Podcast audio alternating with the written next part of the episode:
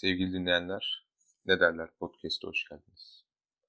Bu haftaki konumuz yalnız yaşamlar.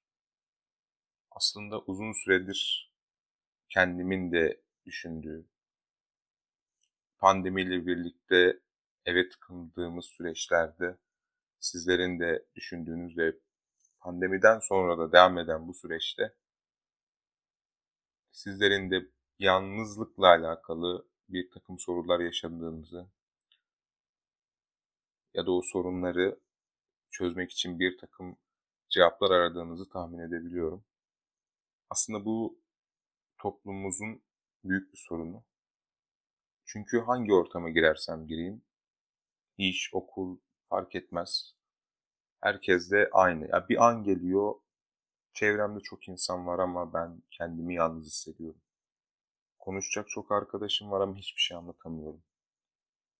Ya da gittiğim arkadaşlarımın yanında mutlu olamıyorum. Bir an önce evime dönmek istiyorum gibi bir sürece evrildi artık bu. Tabii bu süreçte sadece kendi fikirlerimi değil, sadece kendi hayat hikayemi değil, ünlü düşünürlerin ve yazarların da bu konu hakkında ne dediklerini biraz bakacağız. Ya ben çocukluğunda ailesiyle birlikte ve geniş bir aileyle birlikte büyümüş bir insanım. Üniversiteye geçtikten sonra da çok iyi arkadaşlıklar kurdum, çok iyi dostluklar kurdum. Hiçbir zaman yalnız kaldım diyemem aslında. Ama pandemiyle birlikte bu yalnızlık biraz daha derinleşmeye başladı. Yani sağ olsun üniversiteden bir arkadaşımla birlikte pandemi sürecinin o en derin, en yaralı böyle korkunç hissettiğimiz süreçleri beraber geçirdik. E, o da bana çok destek oldu bu durumlarda. Ama insan ailesinden uzak kalınca, arkadaşlarından uzak kalınca, sevdiklerinden uzak kalınca kendisini çok böyle yalnız bir amacı olmayan, bu dünyaya niye geldiği belli olmayan bir varlık gibi hissediyor. Ben de öyle hissetmeye başlamıştım. Tabii ondan sonraki gelen süreçlerde de pandemiyle birlikte iş hayatına atıldım. Bir yandan çalışıyorum, bir yandan okulu bitirmeye çalışıyorum. E, ailem bir karar aldı ve köye yerleşti. Ben bulunduğum şehirde hayatıma devam etmek istediğimi belirttim ve devam da ediyorum.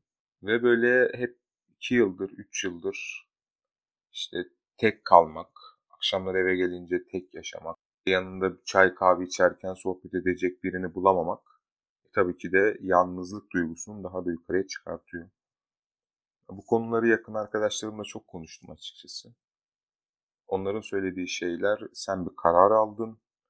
Bu kararın arkasında da duruyorsun. E, durmaya devam ettiğin zaman da belli başlı eksi noktaları olacaktır. Bunu da artık kabullenmen gerekiyor ve bunun üzerine gitmen gerekiyor gibi bir yaklaşımda bulundular bana. Haklılardı da aslında. Sonuç olarak bu kararı ben almıştım. Ama beklemediğim şekilde bu yalnızlık duygusu, yani gün içerisinde iş telaşı, çalışma ortamım çok keyifli, iş arkadaşlarım, patronlarım çok keyifli insanlar, hiçbir problem yaşamıyoruz. Ama akşam eve geldikten sonra her şey değişiyor diyebilirim. Bazı günler eve gelmemek için bahaneler üretip dışarıda böyle farklı farklı yerlere gidip böyle boş boş vakit geçirdiğim zamanlar bile olmuştur.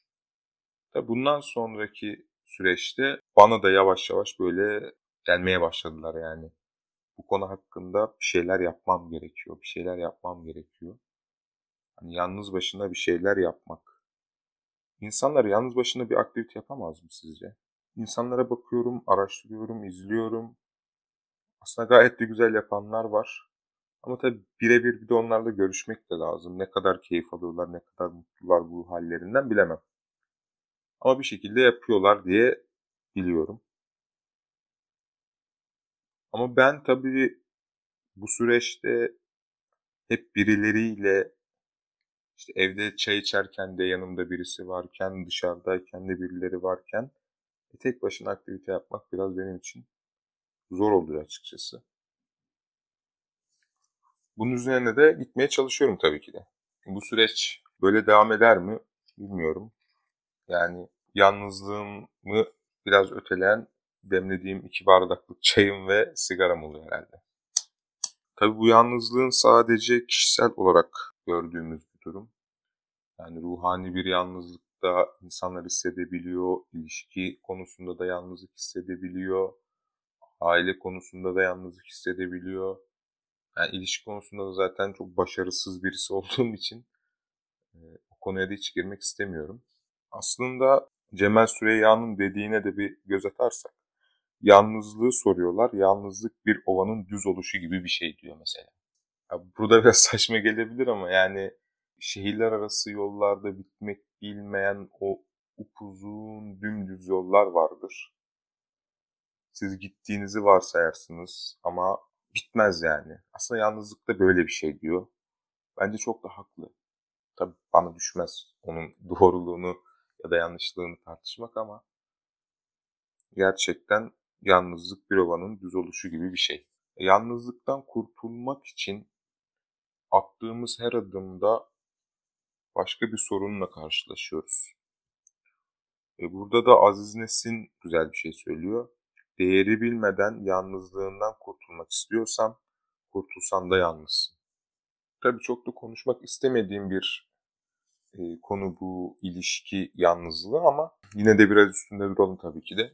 Yalnız olmak yanlış bir kalpli olmaktan daha iyidir. Aslında ben de size bir soru yöneltmek istiyorum. Belki bir gün cevabını da alabilirim. Yanlış kalpte olduğunuzu nasıl hissedersiniz? Sizin de bir düşünmenizi istiyorum bunu. Çünkü artık yani geçen yayında da bahsettiğim gibi o kadar kendimizi farklı tanıtıyoruz ki karşı tarafı kendimizi anlattığımız kadar karşı taraf bizi tanıyor. Ve biz kendimizi o kadar yanlış tanıtıyoruz ki artık yanlış kalpte miyiz, doğru kalpte miyiz onu bile bilemiyoruz. Yani daha bugün yakın bir arkadaşımla yolculuk ederken ne kadar ne kadar her şey güzel oluyorsa olsun bir noktada hiç beklemediğim bir ya yok artık bunu da demez bunu da yapmaz dediğin bir nokta geliyor demişti bana. Belki de yani hepimizin çevresinde de vardır böyle insanlar. Yani mesela anneler babalara, babalar annelere işte biz 30 yıldır evliyiz ama hala tanımadığım, hala bilmediğim özellikleri ortaya çıkıyorlar.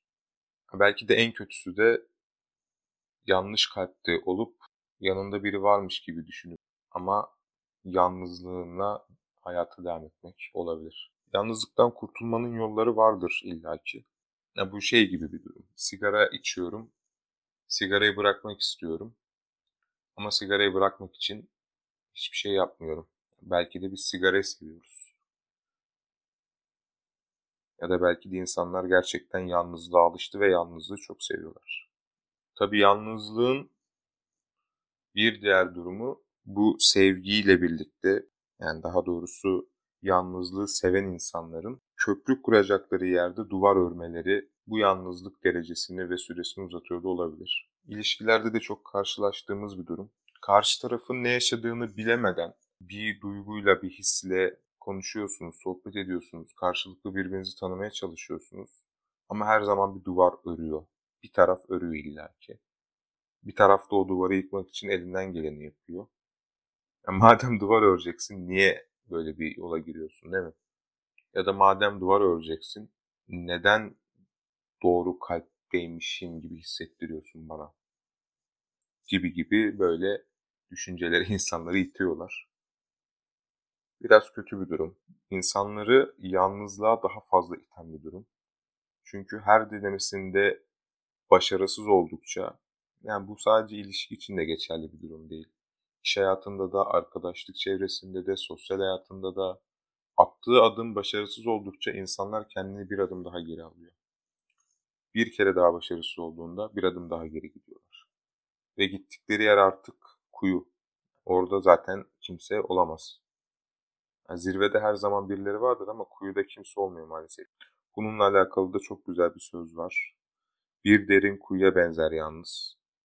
Taş atmak kolaydır için ama bu taş dibe inecek olursa kim çıkarabilir? Ya aslında size böyle saatlerce bu ünlü düşünürlerimizin ve yazarlarımızın düşüncelerini aktarabilirim.